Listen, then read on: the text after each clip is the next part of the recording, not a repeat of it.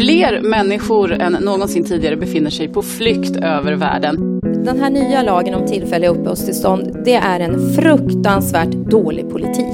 Och vi kräver stoppa utvisningarna till Afghanistan. EU behöver komma i mål med en ny, gemensam, human och solidarisk asylpolitik. Hej och varmt välkommen till Människor och migration. Podcasten som handlar om migration och om de människor som rör sig över gränser. Jag som pratar nu heter Maja Dahl och jag är kommunikationsansvarig här på Arena Idé som ger ut den här podcasten. Och idag så ska vi prata om hur kriminalitet och migration diskuteras i den offentliga debatten och vad det får för konsekvenser för det politiska förslag som läggs. Ja, att kriminalitet knyts till invandring är inget nytt fenomen. Viljan att kunna definiera ut kulturer, etniciteter och grupper som mer kriminella än vi som tillhör det här landet har pågått länge. Och inför höstens val har då den här kopplingen börjat dras allt starkare. Vi kan höra politik, eh, politiker prata om kriminalitet som ett integrationsmisslyckande.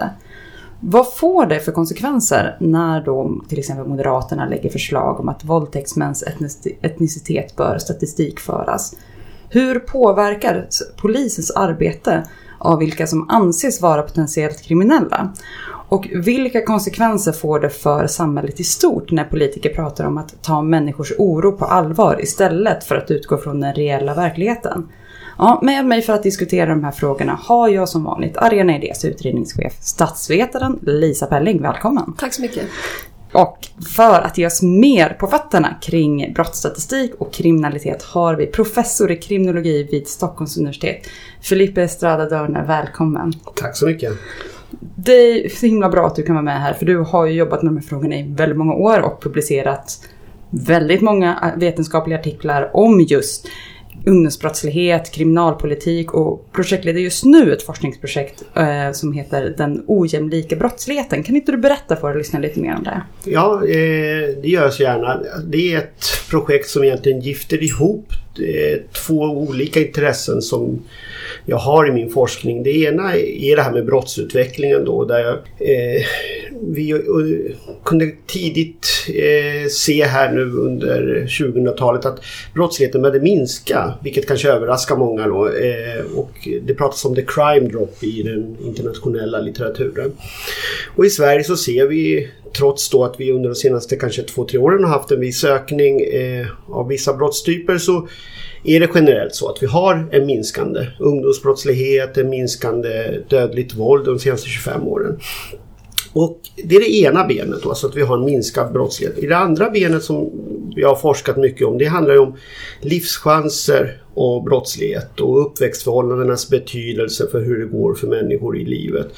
Och här har vi då kunnat peka på ojämlika livschansers stora betydelse, barnfattigdom och skolmisslyckande. Vi kanske kommer in mer på sånt sen. Men då blir, uppstod en paradox här och tyckte vi att ja, vi vet att eh, ojämlikheten i västvärlden i Sverige har ökat och samtidigt så minskar brottsligheten i västvärlden. Det är liksom lite svårt att få ihop de här två då, liksom mikro och makro eh, fenomenen. Så det är det det här nya projektet handlar om egentligen. Att liksom försöka bena upp eh, hur ojämlikheten avseende brottsligheten eh, ser ut över tid. Och i Sverige så har vi väldigt bra möjligheter då med tack vare alla våra register och personnummer så att jobba med den typen av frågor. Så att, hur ser den socioekonomiska fördelningen av brottsutvecklingen ut de senaste 30-40 åren? Det är vad vi ska försöka ta oss an. Gud vad spännande. Hur långt liksom in i det här arbetet är ni? Vi har fått ordning på datasättet. vilket tar faktiskt förvånansvärt lång tid. Det ska beställas och etikprövas och eh, rensas. Men nu börjar vi faktiskt eh, kunna eh, producera forskning. Men sen så ska det ju liksom vetenskapligt granskas och sånt. Och innan. Så det är en lite irriterande lång process. Eh, brukar mina journalistvänner tycka. Om inte annat. Mm, eller hur, det är väldigt tålamodsprövande att försöka följa forskning. Ja. Mm. Ja, jag tänker att det här låter ju som verkligen någonting som Tankesmedjan redan i det kanske får arrangera ett och annat seminarium om Precis. sen när ni börjar liksom få ut lite dator här. Men det är inte det vi ska riktigt grotta in oss i idag utan idag ska vi prata om just den här kopplingen då mellan migration och eh, kriminalitet. Eh, och det lyfts ju med jämna mellanrum då eh, att anledningen till att man vill koppla ihop de här sakerna är ju för att man säger att invandrare är överrepresenterade i brottsstatistiken. Men stämmer det Filippe? Är, man, är de det? Ja, det är de. Det stämmer och det är egentligen inte alls eh, något eh, konstigt eller någonting vi saknar kunskap om utan eh, det var en kollega till mig som för något år sedan räknade alla studier som vi hade publicerat inom svensk kriminologi och jag tror att han kom upp i ett 20-tal och det var för några år sedan då. Alltså så att Eh, i Sverige och i andra länder eh, historiskt så ser man att eh, människor eh, som migrerar och som har migrantbakgrund eh, tenderar att ha en något högre eh, lagföringsfrekvens eller eh, ja, registrerad brottslighet än eh, den säga, inhemska befolkningen eller vad man vill kalla det. Så det är liksom, den är ganska lätt, det är en av de lätta eh, frågorna tycker jag i det här programmet. ja. Men varför beter man sig då, nu säger du så att det här har vi vetat länge. Mm. Eh, det är så, det är inget nytt. Varför beter man sig ändå som att det här är någonting vi måste ta reda på? Ja det är spännande tycker jag. Det, då blir det svårare, eh, det är en svårare fråga på något sätt. Och, och det här med att det här får man inte forska om, det här får man inte säga. Alltså det är få frågor som sagt och som vi har pratat så mycket om som eh, invandrares överrepresentation. I Sverige hade vi en väldigt stor debatt eh, 1978 när pockettidningen R eh, skrev om den här frågan och så blev det då väldigt uppmärksammat. Och, och sen dess har det här liksom kommit i våg efter våg. Men fortfarande kan man då påstå att, ja, och framstå nästan som modig då, eh, vissa i debatten om, när man då liksom eh, ska ta upp den här frågan. Så att Eh, Eh, det, det, den frågan du ställde är liksom om eh, hur man kan eh, framstå då som ska vi säga, radikal när man säger att det här behöver vi veta mer om. Det är egentligen ganska konstigt. Mm. Vad tänker du Lisa kring det som, som statsvetare, att det behandlas som någonting som vi inte vet när vi uppenbarligen vet det? Ja, det finns ju starka intressen av att eh, få frågan att framstå som det och en del vill väl gärna vara liksom eh, modiga och en del har ju som agenda redan från början att eh, vara invandringskritiska som man gärna vill kalla sig själv främlingsfientliga.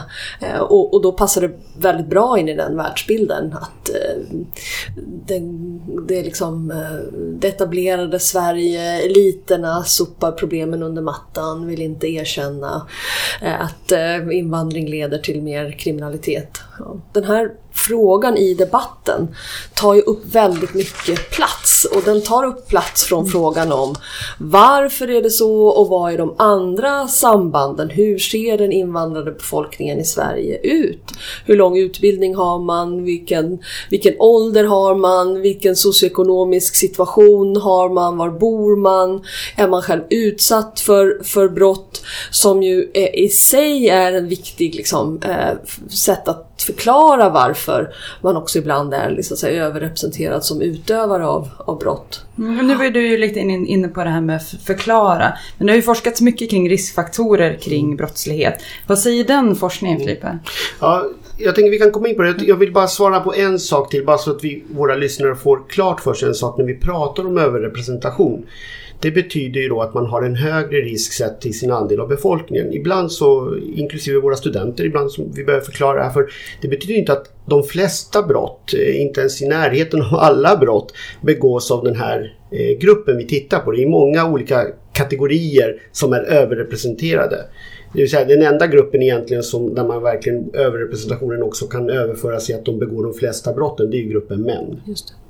Så att vi bara har klart för oss att mm. invandrare står ju inte för majoriteten av brotten och de brottsmönster som vi ser i eh, den invandrare befolkningen de påminner väldigt starkt om de vi ser hos den får vi, får vi säga då, den svenska befolkningen, den svenskfödda befolkningen. Så det, ovanliga brott, eh, grova brott är ovanliga i den invandrade befolkningen precis som i det svenska och eh, mer, mindre allvarliga brott, trafikbrott, eh, eh, ja, snatteri och sånt är liksom mer vanligt i båda grupperna. Så att vi har, så att vi har den eh, generella bilden klar för och, oss. Och, och de följer samma trender är det också så att det här våldet mellan två fulla ungdomar som drar kniv mot varandra minskar men tyvärr så ökar det här våldet att två ungdomar utan drogpåverkan drar eh, liksom, skjutvapen mot varandra ökar.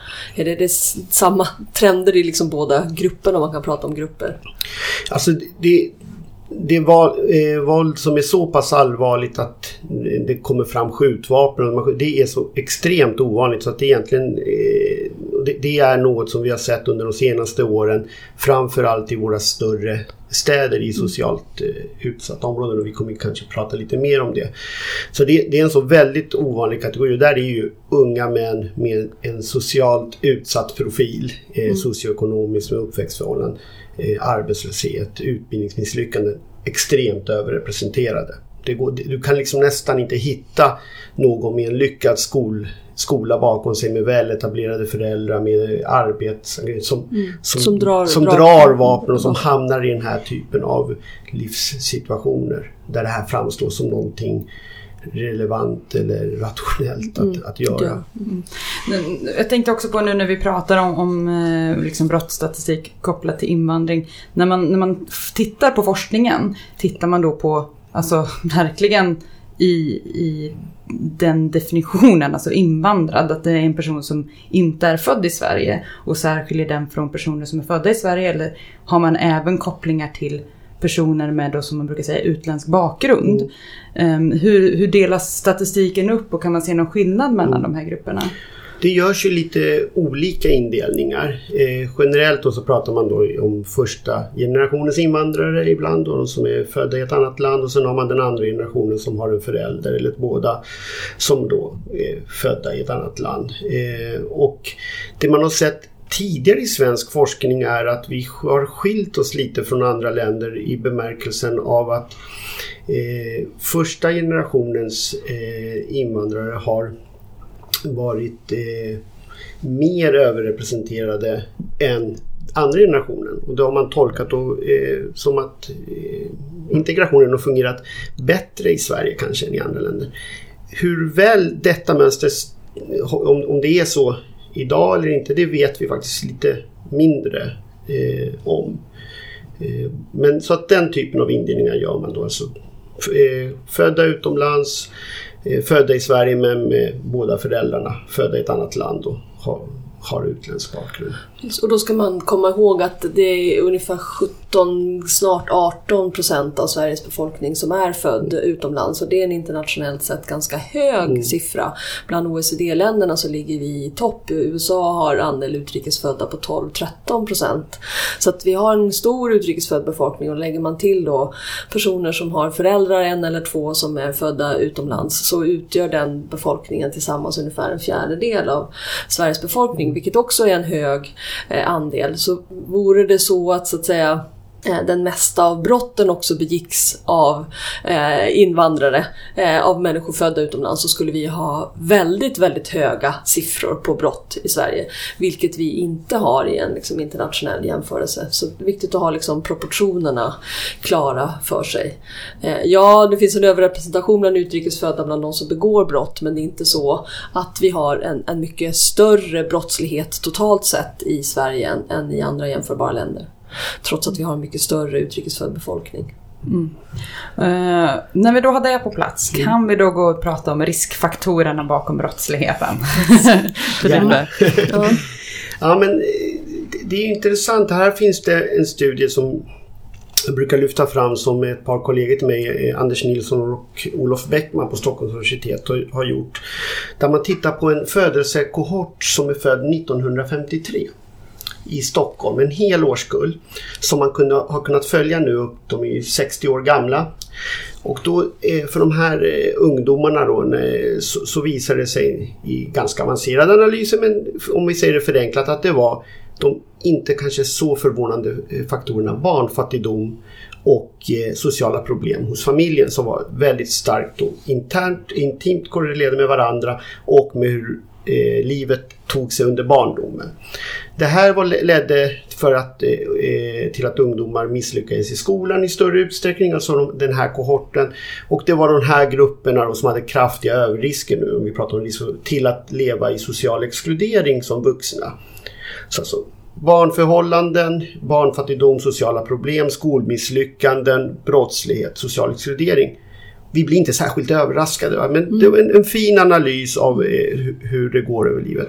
Men de här ungdomarna växte ju upp då, tänker vi, på 60 och 70-talet. De var inte migranter. Mm. Är det så väldigt annorlunda idag när vi har liksom en annan sammansättning som Lisa var inne på? Mm. Här, är det andra förhållanden plötsligt då som skulle kunna tänkas vara viktiga? Och när vi då gör nya studier och följer nya årskullar födda på 60, 70 och 80-talet så är det ju de här förhållandena som ploppar upp som de viktiga igen. Mm. Så att så otroligt olika är vi ju inte som människor utan hur livet, liksom det liv vi, har under barndomen är viktigt, de resurser vi får hemifrån, hur det går för oss i skolan. Det är de viktiga förhållandena oavsett om du har migrantbakgrund eller om du då var en så kallad 53 född i Stockholm och uppväxt under liksom välfärdsstatens rekordår. Ja. Mm, mm, mm. Ja, superspännande. Visst, visst är den internationellt känd den studien också? Visst är de här svenska ja, data på, det, på liksom män i Stockholm 53? Stockholm ja. Birth Cohort. Just det. Just det. Mm, mm, mm. Vi har som sagt väldigt bra data just i Sverige. Jag tycker att poängen för mig och att jag tar upp den, den i studien är just för att eh, göra den här poängen att trots den här förändrade befolkningssammansättningen att eh, de här 53orna var så kallade stockholmare födda i Sverige och vi nu då tittar på nya generationer så är det de här liksom grundläggande eh, förhållanden som är kopplade till resurser och livschanser som, som framstår som viktiga oavsett var du råkar vara född. Eh, vi tittar också i, i de här senare studierna på betydelsen av att ha den här Eh, invandrarbakgrunden och då kan vi se den här det här är ytterligare en av studierna som visar att överrepresentationen finns och den är ungefär en och en halv gång. Eh, då kan vi fundera på, är det mycket eller lite? Tittar vi för de ungdomar oavsett eh, etnisk bakgrund, alltså för svenskar eller invandrarbakgrund, som däremot har misslyckats i skolan, så pratar vi om överrisker som närmar sig 5-6 gånger för att hamna i brottslighet under eh, tonåren och KASEM-problem senare med etablering i arbetsmarknaden och så vidare. Alltså det är värre för en utrikesfödd, ett utrikesfött barn att misslyckas i skolan? Nej, det är lika. Nej, det, är lika. Så, att, så att, det är det som är intressant ja. tycker vi då. Att oavsett om du är född i Sverige eller född utomlands. Mm. Eh, har du misslyckats i skolan så är det en så mycket starkare, ja, starkare. Okay. Eh, prediktor. Så det, eh, det är så det ser ut. Och den faktorn är faktiskt i våra studier där vi tittar på årskullar som förändras. Liksom, vi tittar på födda 70, födda 80-tal. Så det är den faktorn som har förändrats. Alltså betydelsen av att ha misslyckats i skolan har blivit viktigare. Mm. Medan eh, födelseland har inte eh, liksom blivit viktigare. Mm.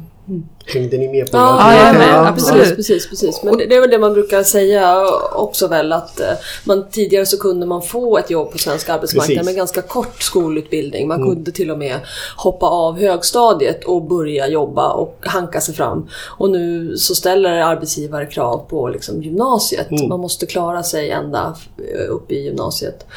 Mm. Men då blir det här jätteintressant tänker jag. Om vi nu pratar om så här, vi vet att eh, personer med utländsk bakgrund eller utlandsfödda är överrepresenterade i brottsstatistiken. Men det som är ännu värre är då eh, att ha misslyckats i skolan. Mm. Och så ser man på vilka politiska förslag som, som liksom läggs. Och förra hösten, alltså hösten 2017, så gick Moderaterna ut med att man vill kartlägga etnicitet vid just våldtäkter. Eh, vad skulle man använda den statistiken till då, Lisa? Oh, Eh, de gav ju sig in precis i en väldigt, väldigt liksom infekterad debatt som följde precis det mönstret som du beskrev tidigare. Att det finns en mörkläggning, eh, svenska kvinnor är rädda, ingen tar den här oron på allvar, eh, det här är liksom ett växande samhällsproblem och så kom det in i en kontext av att man beskrev invandringen framförallt under hösten 2015 som väldigt dominerad av män. Och det är män som man beskriver just som män, inte som pappor som av EUs migrationspolitik tvingas lämna fru och barn hemma. Man beskrivs som män från Afghanistan istället för att beskrivas som barn från Afghanistan som har familj och som gärna hade velat komma till Sverige med sin familj men som igen, vår migrationspolitik tvingar ut på vägarna och över haven eh, själva. Så det var i den liksom eh, stämningen, i den logiken som, som det här eh, förslaget kom fram. Mm. Jag, jag tänker ju, precis så, jag håller ju med Lisa, så tänker jag också på att när jag hörde eh, Tobé få följdfrågan vad, vad, han ville använda den här informationen till och vad han ville förstå med den så kunde han ju knappt svara. Alltså, han vet ju också hur de här överrepresentationerna ser ut. Frågan är liksom varför vi behöver den här kunskapen den 25 eh, gång då, vad, liksom, vad han ska göra med den. Och sen så tänker jag också att jag som kriminolog inte blev så överraskad att Moderaterna drar fram det här kortet. Det följer faktiskt en tendens vi kan se i kriminalpolitisk forskning i Sverige men också utomlands. att Alltså brottsfrågan är svår att hålla sig ifrån för en högeropposition. Eh, eh, det är, finns liksom, och det här kanske Lisa eh, blir nyfiken på som mm. statsvetare, mm. men det finns liksom forskning som eh, bland annat jag har eh, gjort men också kollegor som visar att det finns en dynamik där vi har mer uppmärksamhet kring brottsfrågan de eh, regeringsperioder där eh, en vänster eller socialdemokratisk regering sitter vid makten. Då, kom, då skriver ledarartiklarna extra mycket om brottslighet.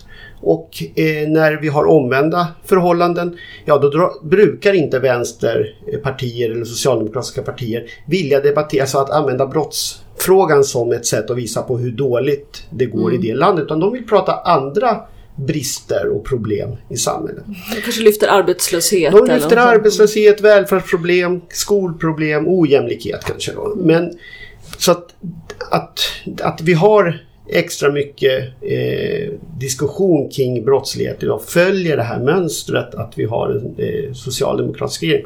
Sen kan man ju konstatera att den, att den här eh, regeringen verkar ju vara fullständigt medveten om det, eller vad säger du Lisa? Ja precis, precis. När den här gången har den så svalt betet och, och, och bidrar själva, tycker jag åtminstone, till att eh, att förstärka den här debatten och förstärka människors intryck av att det här är verkligen liksom en avgörande fråga för Sveriges utveckling och för människors vardagsliv. Att, mm. att man tar människors oro för brottslighet på allvar. Um, och det är ju... Det, ja, det är så tråkigt att säga det för att det är så självklart att det är svårt att tro att det här skulle stärka Socialdemokraterna som har låg trovärdighet i frågor som rör lag och ordning. Eh, och att det inte skulle göra till att folk hellre röstade på originalen. Som i det här fallet är liksom Moderaterna men de har ju också fått väldigt stark konkurrens av, av Sverigedemokraterna. Så risken är med liksom Socialdemokraternas försök att triangulera i den här frågan, alltså att neutralisera alla förslag som kommer från både Moderaterna och, och, och Sverigedemokraterna med förslag som är precis, säger ni 100 000 poliser så säger vi 101 000 poliser. Säger ni militär i förorter då säger Sveriges statsminister, partiordförande Socialdemokraterna Kina, jag utesluter ingenting. Mm. Vilket haveri. Ja, men, men eh, enligt för att det var det som var hans talepunkt förmodligen, utesluter ingenting. Triangulera, neutralisera, vad de än säger, bjuda över. Eh, för att vi ska liksom neutralisera den här mm. frågan på det sättet så att vi ska kunna prata om välfärdsfrågorna. Mm. Det, är, det är strategin. Jag tror inte att den funkar, jag tror att det snarare liksom stärker eh, den sidans eh, argument om att det här är en jätteviktig fråga som alla borde prata om. Ja, men tror du att det finns en möjlighet att, att man får stöd för ett sånt här förslag? Att just föra statistik, man ska föra ny statistik då över just våldtäktsmän? Ja men om jag förstår dig eh, rätt Filippe så, så, eh, så eh, finns det redan tillgänglig statistik. Ni kan skriva 20 och 25 rapporter om kopplingen mellan människors etnicitet, födelseort och, eh, och brottslighet på längden och tvären. Ja. Så det är liksom en icke-fråga. på det viset så är det ju faktiskt det. Alltså det vi, vi har eh, ett, i det pågående forskningsprojektet som jag är med så har vi eh, tillgång till den data. Vi kommer titta på överrepresentationens förändring över tid och undersöka om överrepresentationen då har blivit eh, större eller eh, kvarstår på samma nivå som tidigare och i så fall vad det skulle kunna hänga samman. Det är liksom följdfrågan som är den mest intressanta vad, vad sakerna eh, beror på hur man skulle då kunna åtgärda och det pratade vi om alldeles nyss då, att det är andra förhållanden då som skolmisslyckanden, resurser under uppväxten, möjligheter att etablera sig på arbetsmarknaden som är de, de viktiga för, oavsett nu vilken etnisk härkomst du råkar ha. Mm. Men varför är det just då våldtäkter som Moderaterna föreslår att etnicitet ska kartläggas kring då? Ah, men det är inte en sån här urgammal liksom, eh, tankefigur att, att, eh, att invandring liksom befläckar oss och att, att eh, ja, man liksom framställer det som... Ja, man gillar den här... De kommer och tar våra kvinnor. Mm. Ja, det är liksom en, en också en, en, ett ja, tankemönster, en bild som man gillar att, uh, att hålla sig med. Mm. Och, och, det är ingen som vågar vara öppet uh, rasistisk längre. Har det för sig. Sverigedemokraterna är det till och med på sin kongress när de liksom kategoriserar alla som uh, har en, en muslimsk trosbekännelse som, eh, som icke-människor eller lägre stående människor. Men, men eh, eh ja, det här är ett, ett, eh, ganska oförblommerat sätt att... Ja, ett rasistiskt språkbruk helt enkelt skulle jag säga. Håller du med om det Filippa? Kan du se liksom samma tendenser att det just är eh, våldtäktsbrott som man vill identifiera på det här sättet? Jo men det gör jag. Och, här finns det ju också, igen det är ofta belysande att gå utanför Sveriges gränser och titta på hur, liksom, an, hur man diskuterar den här typen av brott i andra sammanhang. Och det här finns ju en ganska eh, läskig eh, historisk eh, bakgrund i hur eh, alltså, rasistiska grupper i USA betraktade svartas brottslighet länge som intimt förknippad med sexualbrott. Och det, fanns, det finns liksom inget värre brott än en svart man som förgriper sig på en vit kvinna. Alltså det var väldigt, ett väldigt säkert sätt att mobilisera lynchmobbar. Så att det, det, den dimensionen tror jag man, man inte kan bortse ifrån. Sen är det såklart så också att eh, sexualbrott är ett väldigt eh, uppmärksammad eh, brottstyp i, i vårt samhälle. Någonting som med rätta upprör oss. Vi Eh, det finns en tendens då gärna som en kamp i den offentliga debatten om eh, är Eh, sexualbrott någonting som är utbrett i ett jämställt land som Sverige och metoo-rörelsen var ju eh, väldigt effektiva på att visa att det faktiskt är ganska eh, utbrett, någonting den feministiska rörelsen har påpekat länge. Och så finns det en motrörelse som gärna vill då liksom göra det här till ett eh, väldigt eh, begränsat problem som bara vissa män, gärna då med utländsk bakgrund i huvudsak då begår. Och där, där finns det liksom en, en, en, en politisk konflikt då i och där man använder då jämställdheten då kanske då som, ett, som ett slagträ. Ja precis och jämställdheten används ju också ofta som ett sätt att liksom beskriva vad som gör oss annorlunda. Så att vi är de jämställda eh, och de är de mm, icke mm, jämställda. Så att man, att man, eh, man försöker liksom förstärka de här skillnaderna. Mm. Också ett, ett, ja, en del av det här är också ett väldigt liksom, statiskt sätt att se på kultur. Man tänker sig att folk eh, föds med en viss kultur och sen så invandrar man med den och så händer ingenting med den kulturen. Den bara är liksom likadan helt oavsett. Eh, och där finns det ju väldigt, väldigt intressant liksom, statistik till exempel. Det att, att, eh, att systrar exporterar sina antal barn till systrar som inte har migrerat. Så man kan se liksom, i den transnationella korridoren som löper mellan Sverige och de kurdiska områdena i norra Irak. Så kan man se på födslotalen i familjerna vem det är som har en syster i Sverige. Så det är klart att, att ja, kulturer har, är relevanta för de kontext där de liksom uppstår. Och hamnar man i en helt annan kontext, då förändrar man sin mm. kultur. Ja, det, är inte, det går inte över en handvändning och vissa saker liksom behåller man. Men, mm. men väldigt mycket av det som gör att man fungerar i vardagen, det, det förändrar man. Och jag tänker också att det går väldigt djupt in i, i synen av vad som är en riktig våldtäkt och vad som är en riktig våldtäktsman. Så diskussionen som har förts under lång tid också. Men att man ser att nej men våldtäkt kan, även om det i lagens mening kan ske i hemmet, så anser man inte den lika allvarlig som den överfallsvåldtäkt som kan ske ute i en park. Och att det liksom går in i den bilden av att nej men Johan som jag känner kan ju inte våldta.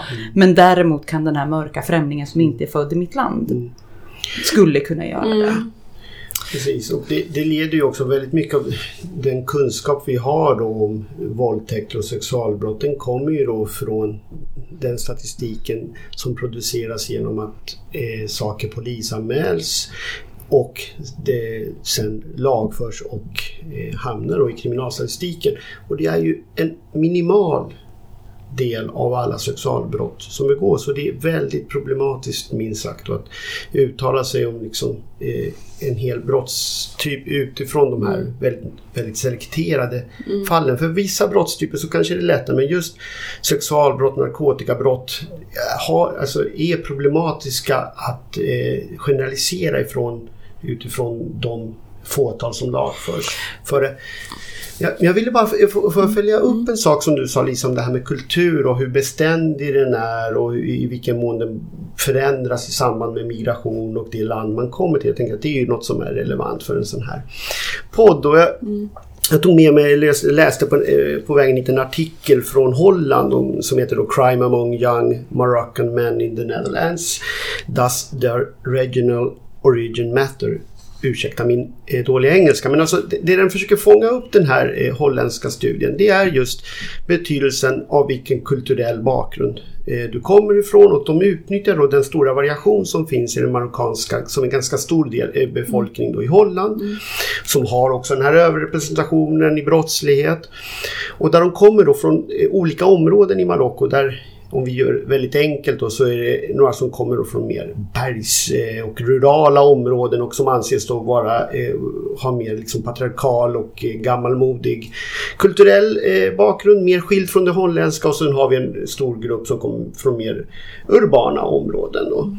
Och det de kan visa i den här studien det är ju att de här grupperna som då har väldigt skilda kulturell bakgrund från Marocko.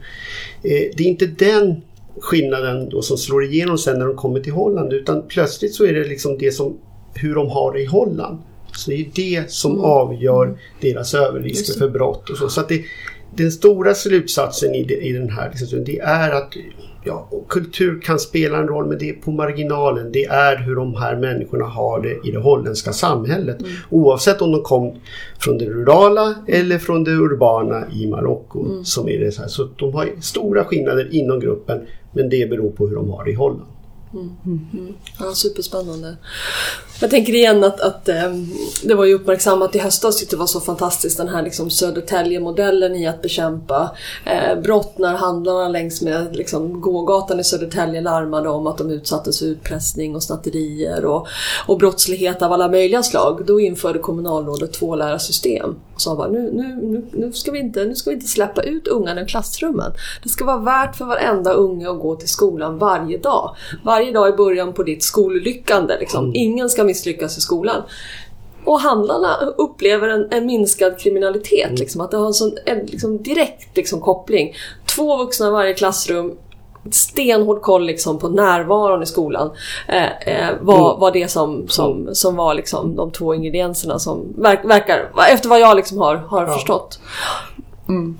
Mm. Jag tänker vi, nu lite grann börjar vi toucha till nästa del jag tänkte vi ska gå vidare till och det är just utsatta områden som vi också pratat om lite grann innan. Och det, vi ser ju ett ökat fokus på att diskutera brott i utsatta områden. Och så sent som i januari så står eh, statsminister Stefan Löfven i en riksdagsdebatt och säger det är inte min först, första åtgärd att sätta in militär men jag är beredd att göra vad som behövs för att se till att den grova organiserade brottsligheten ska bort. Och Jimmy Åkesson skyllde i samma debatt gängkriminaliteten på det, eh, och nu gör jag så citattecken i luften här, det nya spännande mångkulturella Sverige. Vad tänker ni när ni hör såna här debatter? Ja, Lisa tog ju Eh, upp den här tråden förut jag kan ju väl bara hålla med att jag blev förfärad men kanske tyvärr inte förvånad. Eh, och eh, alltså, givet den här svartmålning som har pågått nu kring liksom brottsligheten och systemkollapsen och eh, hur det ser ut i Sverige och det finns folk som har dragit helt absurda liknelser med att vi skulle ha det som i Mexiko eller att Rinkeby är som en krigszon. Ja, då kanske det inte är så konstigt att om man tror att Sveriges brottsnivåer närmar sig Mexikos eller att Rinkeby är en krigszon, att man liksom drar till med militären. Men det är ju inte då en konsekvens av hur det ser ut utan det är en konsekvens av hur debatten ser ut. Mm. Och det är inte så konstigt att folk är oroade över ökad brottslighet heller. Det vore ju väldigt konstigt om man inte var det. Om man matas med de här liksom, bilderna och eh, no-go areas och, och liksom, eh, våld mot blåljuspersonal och, och, och så, eh, så. Så är det klart att, att eh, man kommer att säga en undersökning är orolig för brottsligheten. Ja. Mm. och det är det som är så intressant att jämföra med de här liksom, undersökningarna som görs i människors liksom, vardag när man ställer frågor. Har du fått din cykel stulen? Har du själv blivit utsatt för rån? Känner du någon som har blivit utsatt för inbrott? Har du själv?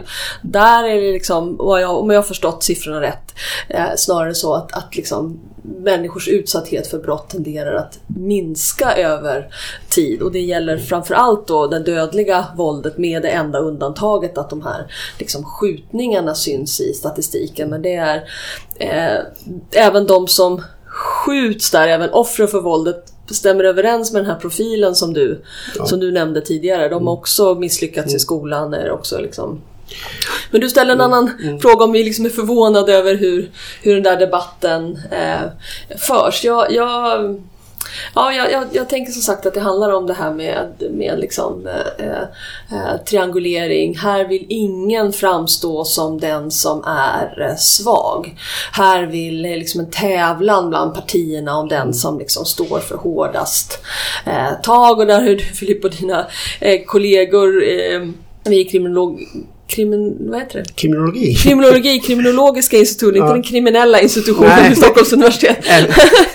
I folkmun. I folkmun, ja precis. Ni som lever på brott, Ja. Precis. Det eh, uppmärksammat det här med hårdare straff. Mm. Att det inte finns något vetenskaplig liksom, evidens för att hårdare straff i sig skulle leda till minskad eh, brottslighet. Att det är en särskilt liksom, smart metod att använda. Men där får man också intrycket av att det struntar politikerna i. Här är det liksom, gäller att vinna tävlan om vem som har hårdast tag. Och det är ju också en liksom, tävlan som vi känner igen från migrationspolitiken. Det var väl så vi liksom eh, tolkade hösten 2015.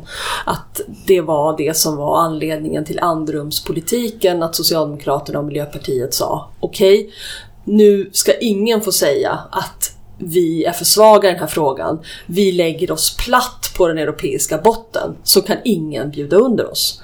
Eh, vilket de ju såklart kunde göra i alla fall för Moderaterna kunde säga att vi inför ett flyktingpaus och sen blir det ett flyktingstopp vilket skulle bryta mot de internationella konventioner som Sverige inte kan bryta mot.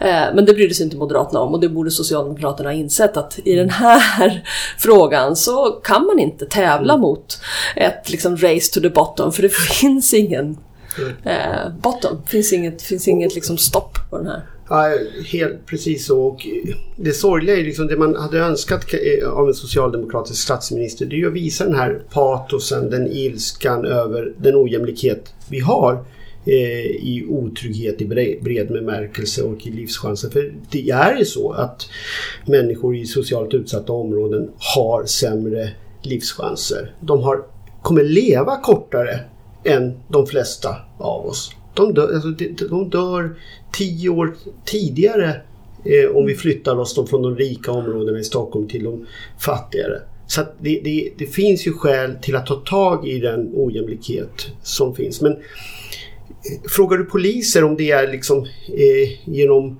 mer repression, genom hårdare straff så, här, så, så kommer många poliser, speciellt de som jobbar ute i de här områdena. Du, du, du hittar en, självklart en rad olika röster inom polisen. Men de poliser som jobbar ute i Järva, de kommer säga att det de behöver det är liksom en fungerande skola, en fungerande fritidsverksamhet, föräldrar som eh, känner sig förankrade i samhället. Det, de kommer inte prata om batonger i första hand. De vet att det är inte det som är liksom lösningen. Det är det, det är det vi måste göra här och nu eh, eventuellt då men liksom, det är inte den, den lösningen som fungerar i längden. Mm. Jag tänkte, du var inne på det Lisa och Filippa du också pratat om att man, liksom, man ska titta utåt lite grann och mm. Lisa du pratade om hårdare straff och om vi då vänder oss om till Danmark, eh, vårt eh, grannland, så är diskussionen där om utsatta områden lett till att den borgerliga regeringen då presenterat ett så kallat gettopaket, deras ord inte mitt, eh, men som bland annat då innebär att människor från vissa områden ska straffas hårdare för, för de brott de begår. Du säger att det finns ingen botten Lisa, finns det en risk att vi hamnar där? Nej, liksom. man är liksom precis verkligheten överträffar dikten eller vad säger man eh, här också. Nej, man undrar ju var danskarna har sin botten. Nej, men det här är ett helt förfärligt förslag.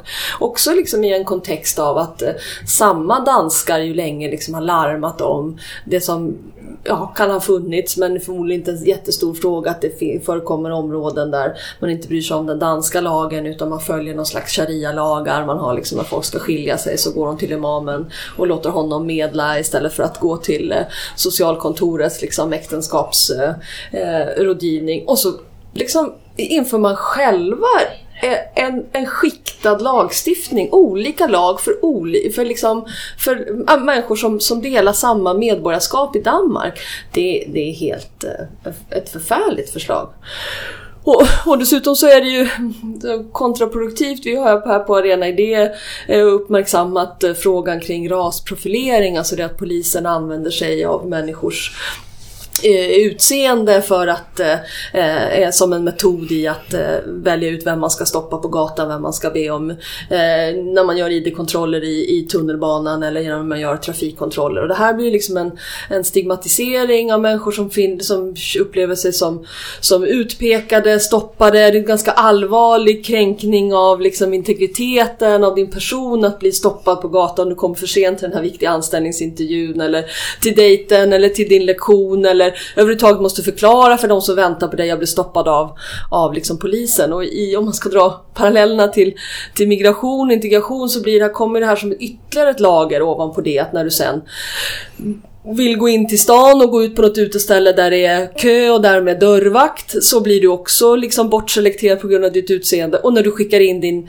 din eh, ansökan om ett jobb så är det ditt namn det är liksom de faller på. Det har ju också liksom Båda de här sakerna finns det väldigt tydlig evidens för. Du, blir, du har svårare att komma in på krogen om du har ett utseende som stämmer överens med människors eh, liksom, stereotyper över personer födda i Mellanöstern.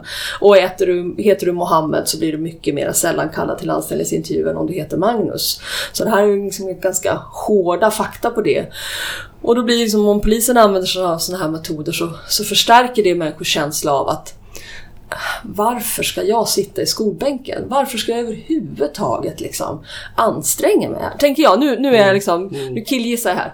Då, är liksom, då framstår det här alternativet att liksom gå med i något gäng och försöka fixa snabba cash. Inte bara som ett bättre alternativ utan som kanske det enda alternativet för att överhuvudtaget bli någon med någon slags självrespekt i Sverige. För alla andra vägar liksom framstår som stängda. Men jag, jag, jag bara fylla i nu, nu eh, kort i, i ditt killgissande där som ändå eh, träffar för, eh, faktiskt ganska rätt. Alltså, vi har ju precis bara i dagarna så kom Brottsförebyggande rådet ut med en eh, rapport som eh, handlar om hur människor i socialt utsatta områden upplever eh, förtroende för polisen och eh, rättsväsendet. Och de, det var en ganska ro, ambitiös studie där de också knackade dörr faktiskt som en datainsamlingsmetod. Mm. och, och, där är det väldigt tydligt att man upplever eh, lite sämre förtroende för polisen än vad eh, man gör i andra områden. Det är inte dramatiskt sämre men att det finns eh, ett betydande problem och det är den här att man upplever inte alltid att polisen är rättvis. Och framförallt då unga män svarar det här. Därför att de har de här erfarenheterna av att bli misstänkliggjorda i det offentliga rummet. Och där finns det ju också då eh, forskning från min institution, då Leandro och Slarik Molinari och, eh, som har tittat på det här med rasprofilering. Och det är ofta de här liksom ganska, så att säga, inte särskilt dramatiska stoppen där man får liksom, precis som du beskriver Lisa, inför allas åsyn stå eh, och bli muddrad så här, som väcker väldigt mycket eh, ilska och frustration. Och eh, det blir helt enkelt en, eh, någonting som försvårar eh, det brottsförebyggande arbetet till syvende och sist i de här områdena när de här liksom, eh, misstroendet eh, mot Eh, polisen uppstår på grund av att vi beter oss så här. Så att polisen har ju en väldigt svår eh, utmaning i att jobba på ett förtroendeskapande sätt. Eh, och igen, det är inte de hårda tagen som skapar förtroende paradoxalt nog. Mm. Och när du liksom ändå är inne på då, då, då den här liksom rapporten från Brå. Jag tror att det är samma rapport eller om det är någon, en annan som släpptes nu också i dagarna. Mm. Som, där man tittar på just när det handlar om eh, narkotikaanvändning och vilka det då är som, som testas för det. Mm. Där man, man i den här rapporten då kan visa att eh, unga i fattigare kommuner eh, blir då oftare testade.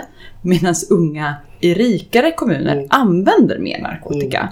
Eh, och att då, då, test, då, då- är ju själva insatsen felriktad. Det kan man ju ganska Mm. snabbt konstatera. Att om testandet sker där i- inte användningen sker till största utsträckning. Eh, Blir den här kopplingen mellan eh, vem vi tror ska vara kriminell och var, eh, liksom hur insatsen riktas. Leder det här fel hur vi pratar kring kriminalitet? Lisa, vad, vad säger du? Ja, nej, men det är väl ganska uppenbart tror jag. Det är, det är, att, att, att det försvårar arbetet mot liksom, eh, eh, droger i samhället. Och, och, och att vi har en mycket högre droganvändning än vi skulle ha haft om, om man riktade in sig på de som är liksom, användare i, i, i högre grad. Jag tycker liksom Lidingö kommun får ta sitt förbannade ansvar för den knark som smugglas in till konsumenterna på andra sidan Lidingöbron. Ja, men de verkar inte som att de gör det. Utan istället så liksom bråkar man om, om vem som ska få göra leveransen och vem som ska casha in pengarna eh, med hjälp av skjutvapen i Rinkeby. Och, och det kan liksom eh, Lidingöborna tycker inte att de har någonting med det att göra men det har de definitivt. Ja, och min, min reflektion är att det här är ju liksom ett otroligt pedagogiskt exempel också på att den bild vi får av en brottslighet genom att använda då kriminalstatistik, alltså reaktionsstatistik, leder fel. Alltså vi, vi får ju en bild av att narkotikabrottslighet är någonting som eh, pågår i Järva när det faktiskt eh, pågår mycket mer spritt än så och eh, den sociala profilen hos de som brukar narkotika är mycket mer spridd och jämn. Så det, det blir, eh, och vi hade den diskussionen uppe när vi hade sexualbrott också, så det, det, det är minst sagt då ett problem att dra slutsatser om hur brottsfördelningen ser ut utifrån eh, vilka det är som polisen får fast. Det är det som det här narkotikaexemplet eh, på ett pedagogiskt sätt lär oss. Jag tycker det var oerhört intressant det du sa tidigare om eh, liksom konjunkturerna i rapportering eller skriverier om brottslighet. Att det liksom varierar med vilken regering som, som, eh, som sitter vid, vid makten. Jag tänker också liksom på den här... eh, Det finns ju en... Eh, en ganska tydlig tendens att det dödliga våldet går ner när det gäller användning av kniv. Ofta så var det liksom, har jag förstått att folk som under alkoholpåverkan stack varandra med kniv. Framförallt liksom unga män som, som gör det. Liksom. Dansbaneeländet var det liksom till att börja med och sen var det liksom den lokala pizzerian som sånt liksom hände på. Och att det här gått ner väldigt kraftigt också för att en ganska stor andel av ungdomskullarna numera är muslimer. Där man har liksom en tradition att alkohol är inte någonting som är en del av livet. Och man in, initieras inte som vuxen av liksom den första fyllan och man ska inte liksom eh, åka moppe full för att kunna vara en riktig tonåring utan eh, det dataspelandet har en viss del i det här för man, man blir dålig liksom på, på Counter-Strike om man, om man, eh, om man eh, dricker folköl till, man är mycket bättre om man dricker Red Bull. Men, men, eh, men också det att, att här har liksom islam då en, en positiv påverkan på hur många som dör i trafiken och på, på brottslighet eh, också. Och det lyfts kanske inte upp lika eh, ofta som andra Nej. aspekter. Det, det- det lyfts ju faktiskt inte särskilt ofta upp i Sverige men däremot i den internationella forskningen så är eh, migration en av de eh, faktorer som man t- tar upp som en av de som skulle kunna förklara the crime drop. Alltså varför brottsligheten minskar i till exempel USA. Att eh, den migration man har tagit emot består då av eh, människor som har eh, starkare familjära band som är eh, eh, Eh, mindre, eh, eh, har mindre brottsrisker än den, in, det, man hade i den inhemska befolkningen. Så att i andra länder så har man då använt och liksom, det, det, alltså det är inte naturgivet eh, hur det här det ser ja, ut. vad Va? otroligt spännande. Nu har vi pratat här i 40 plus minuter om liksom kopplingen mellan brottslighet och migration och så här. Jag tänker att grunderna på ett sätt är ju i att varför man vill koppla eh, eller ta reda på statistik kring brottslighet är ju förebyggande syfte. Eh, det finns ju väldigt få som går in ändå och har ett ont syfte med varför man vill veta brottsstatistik.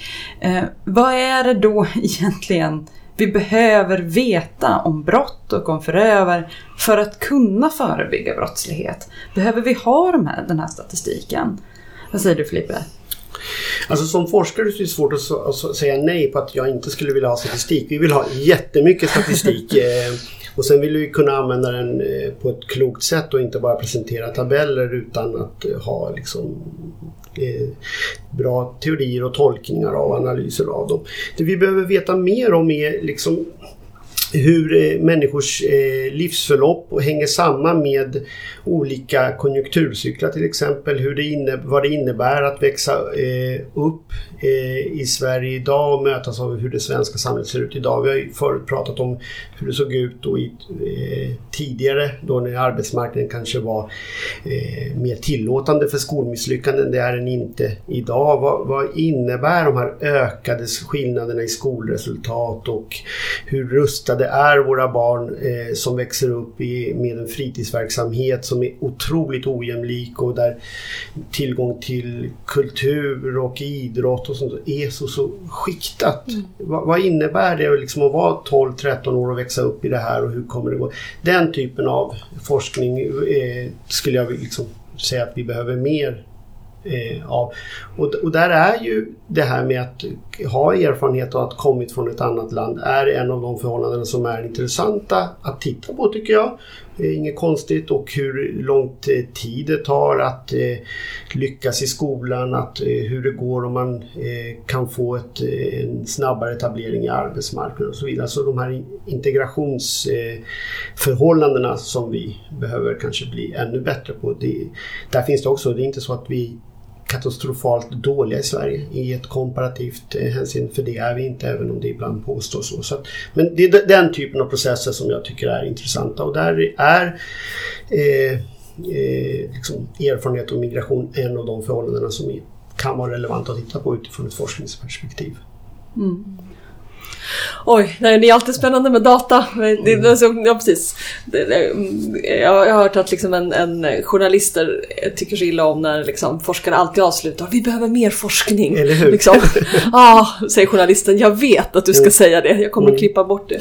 nej, jag, jag, jag vill återkomma till den här liksom, studien som du nämnde i början om liksom, kopplingen mellan ojämlikhet och, och, och brottslighet. För att, för att eh, jag, jag tänker att det, det är liksom det lilla jag vet om sånt här eller jag tror mig ha lärt mig handlar om att det, i länder där man är jämnfattig eller jämnrik så är det ganska låga nivåer av kriminalitet. Det är i de länder där det är väldigt stor skillnad mellan de längst ner och de längst upp som, som liksom att, att, att syssla med brott i någon mån liksom upplevs som eh, ett alternativ, kanske till och med ett, ett ett vettigt alternativ. Det är enda möjligheten för någon som upplever så att man står väldigt, väldigt långt bort ifrån dem som är den eftersträvansvärda liksom, eliten, de som är lyckade i samhället. Därför enormt hög brottslighet i länder som Colombia och Mexiko.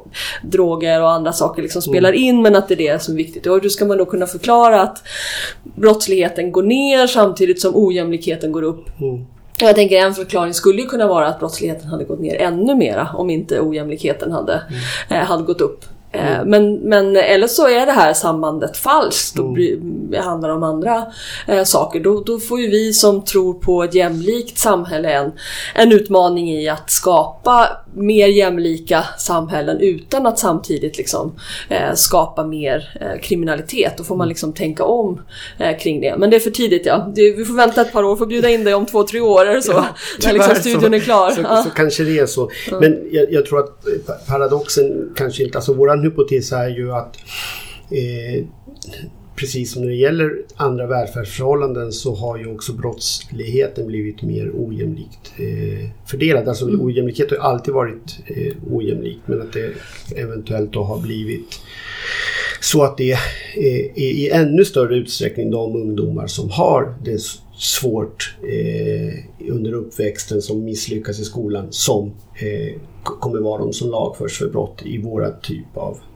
mer ojämlika samhällen. Och som också blir offer för brott. Självklart, ja. det är intimt förknippat. Och, och, och, med det du säger också om hur vi eh, om ojämlikhetens roll är, är, ju helt centralt i, i liksom kriminologin. Som, alltså det här med människors framtidsförväntningar. Att kunna uppnå det som de flesta av oss tycker är liksom ett bra liv och mm. att veta att du faktiskt har sämre spelkort mm. än de flesta andra barn och unga runt omkring det, I den frustrationen så föds ju väldigt mycket mm. brottslighet och det mm. vet vi mm. egentligen. Det gällde liksom för de här födda 53 när vi tittade på betydelsen av framtidsförväntningar och framtidsmöjligheter och min hypotes är att det gäller i ännu högre utsträckning mm. i, ett ojämlikt, i ett mer ojämlikt samhälle. Mm. Och är den ojämlikheten dessutom rasifierad i betydelsen att har du dåliga skolresultat och, och, eh, och dessutom eh, ett eh, muslimskt klingande namn så är du liksom dubbelstraffad redan mm. från början. Och då framstår det som ja, nästintill rationellt mm. mm. att släppa alla andra ambitioner om att bli en laglydig medborgare och försöka fixa sig ett bra liv med hjälp av ett par Eh, Välgjorda eh, stötar eller en... Ja.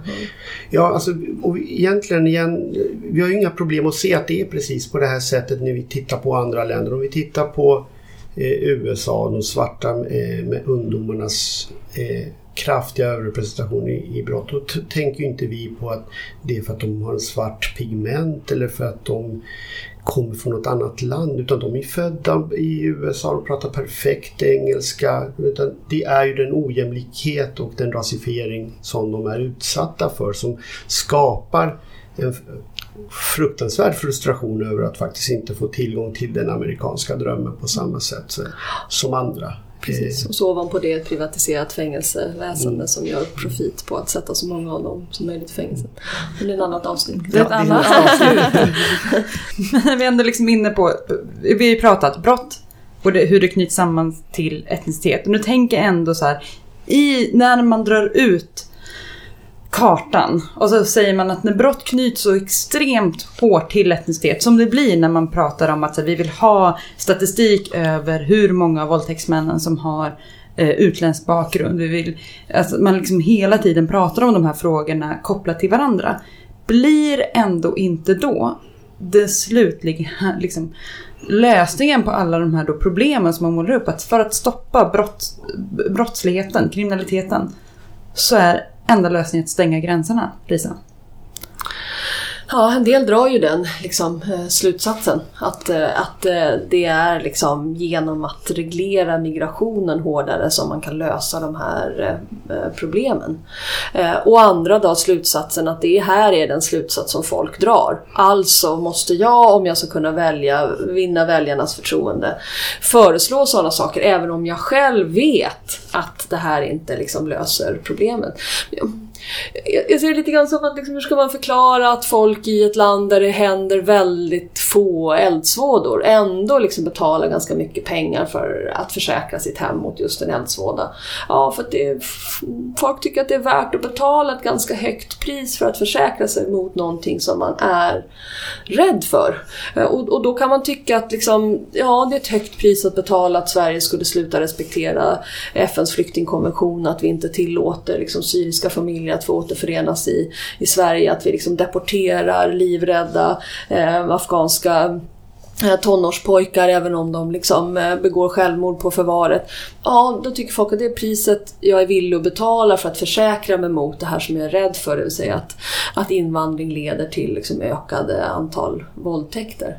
Eh, så det, det, det finns en sån en sån logik tror jag, tyvärr. Och det är ju det som gör att man måste ställa väldigt, väldigt hårda krav på politiker att vägra bidra till det. Istället för att säga jag, det är militär i förorten, inte mitt förstahandsalternativ, säga jag tar det här på allvar. Jag tänker göra det som har effekt och då är det inte att skicka människor bakom mask och sköldar till eh, förorten utan det är två lärarsystem, frånvarokontroll, skolkurator, fritidsaktiviteter. Ja, får de kalla dem för svaga, men det är ju liksom enda sättet att vinna debatten på, på sikt. Mm.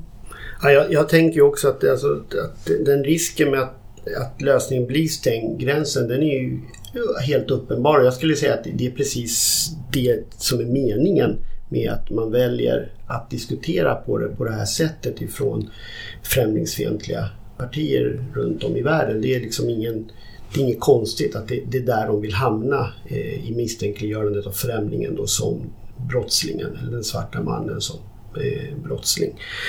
Och det är ju det djupt olyckliga är ju självklart vi har ju pratat om att det finns en överpresentation och så. Det, det är ändå att det är ett väldigt litet fåtal individer som begår de här allvarliga brotten som faktiskt begås i vårt samhälle och det är helt absurt att den enormt stora majoriteten som inte begår de här allvarliga brotten ska behöva lida för det och genom att vi försämrar om eh, asylrätten genom att vi börjar bryta mot rättsstatsprinciper som, man, som i Danmark. Det är helt eh, egentligen emot det som vi skulle kunna kalla för den nordiska eller den svenska modellen. Eh, den riktningen som vi har. Mm.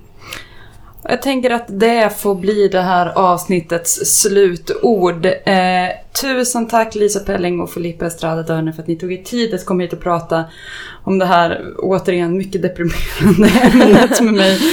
Nästa avsnitt av Människor och migration den kommer det 13 april och om du som lyssnar vill lyssna på något annat från Arena Idé medan du väntar på nästa avsnitt så lyssna gärna på vår syskonpodd Pengar och politik som faktiskt har ett gammalt avsnitt som också handlar om kopplingen mellan invandring och kriminalitet. Jerzy... Eh, Sarnecki. Tack. Jerzy Sarnecki är gäst där. Så att, eh, vi, vi, vi kör er med jämna mellanrum professoren kriminologi.